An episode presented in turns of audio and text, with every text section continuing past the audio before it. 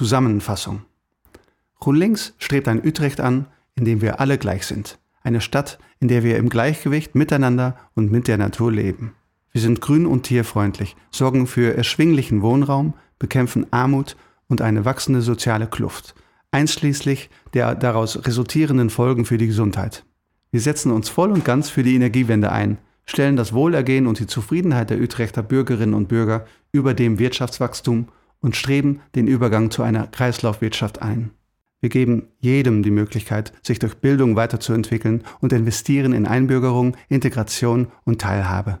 Wir geben Radfahrern und Fußgängern Vorrang, schützen die Einwohner vor Kriminalität und Ausgrenzung, legen den Schwerpunkt auf den Sport, geben Kunst und Kultur Raum und arbeiten an einer Stadt mit sauberer Luft, ohne Lärmbelästigung und ohne Vermüllung von öffentlichen Räumen. Wir tun dies gemeinsam mit den Einwohnern von Utrecht. Wir nehmen Bürgerbeteiligung ernst und fördern sie aktiv um alle unsere Ambitionen zu verwirklichen und eine nachhaltige und soziale Stadt für alle zu schaffen, gehen wir klug und effektiv mit den verfügbaren Mitteln um. Dabei stellen wir sicher, dass Investitionen zur Nachhaltigkeit beitragen und dass die stärksten Schultern die schwerste Last tragen. Verursacher von ökologischen Sünden müssen zahlen.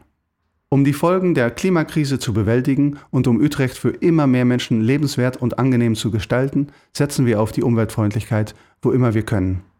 Wir pflanzen zusätzliche Bäume, legen Naturspielplätze und Tiny Forest an und investieren in grüne Wander- und Radwege.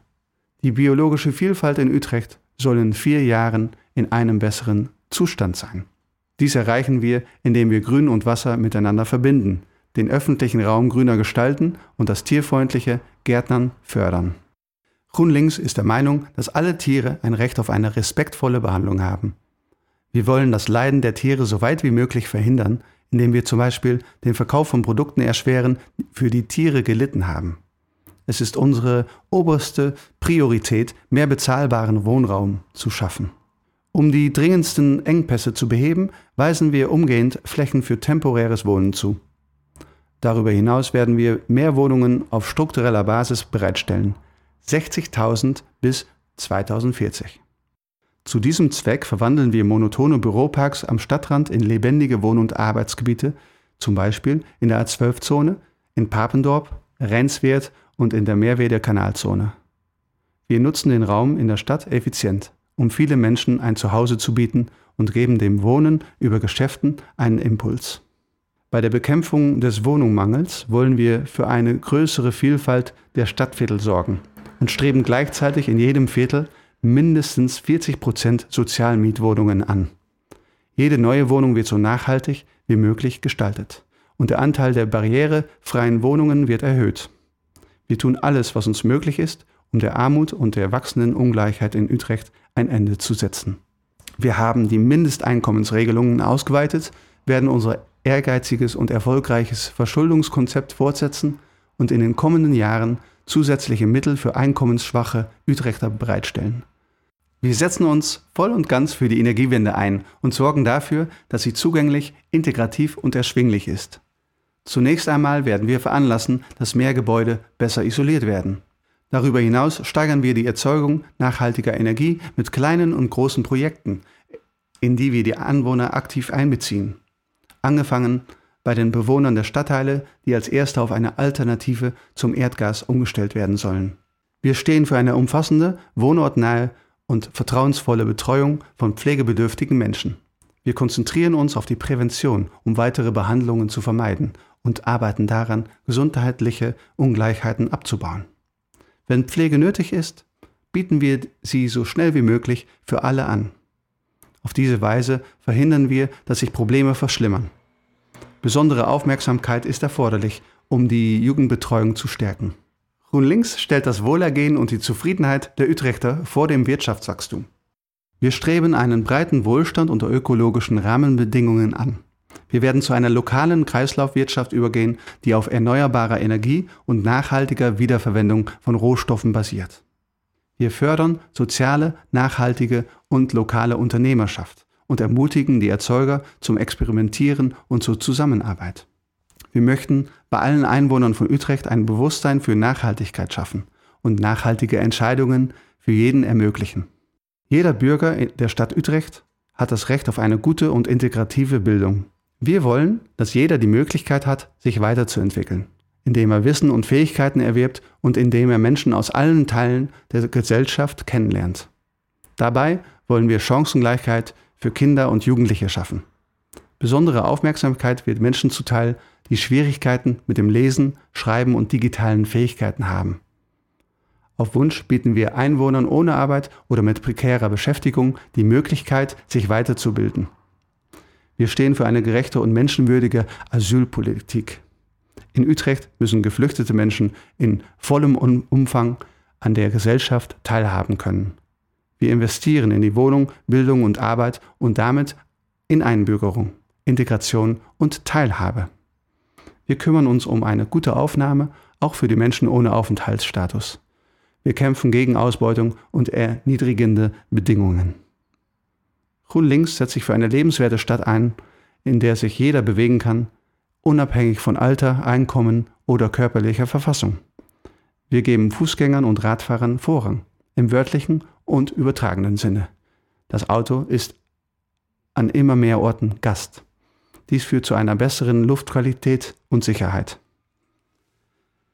Jeder hat ein Recht auf Freiheit und Sicherheit. Wir scheuen uns nicht, gegen die wachsende organisierte Kriminalität in Utrecht vorzugehen, aber die Maßnahmen müssen der Beginn einer strukturellen Lösung sein.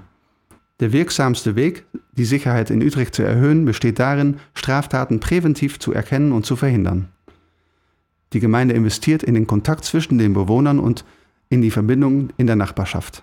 Wir kämpfen gegen Rassismus, Sexismus, Vandalismus, Diskriminierung und Ausgrenzung. Ein Rechtsstaat muss die Menschen auch vor der Regierung schützen. Deshalb nehmen wir die Privatsphäre der Einwohner von Utrecht ernst und beschränken die Datenerfassung. Wir verurteilen und bekämpfen alle Formen von institutionellem Rassismus und ethnischem Profiling. Sport hat einen zentralen Stellenwert, sowohl als Selbstzweck als auch als Mittel zur Gesundheit und Begegnung in Utrecht. Indem wir die Sportbeteiligung von Kindern aus sozioökonomisch benachteiligten Vierteln erhöhen, wollen wir der Spaltung der Stadt entgegenwirken. Wir unterstützen die kleinen Sportvereine als strukturelle Sport- und Begegnungsstätten in der Stadt im vollen Umfang. Wir setzen uns dafür ein, dass der Kunst- und Kultursektor in Utrecht wieder aufgewertet wird. Der Wert der Kultur steht für sich. Corona hatte weitreichende Folgen auch für den kulturellen Sektor in Utrecht. Wir werden ihm helfen, sich zu erholen und gestärkt aus dieser Zeit hervorzugehen indem wir weiterhin lokal in alle Formen von Kunst und Kultur investieren.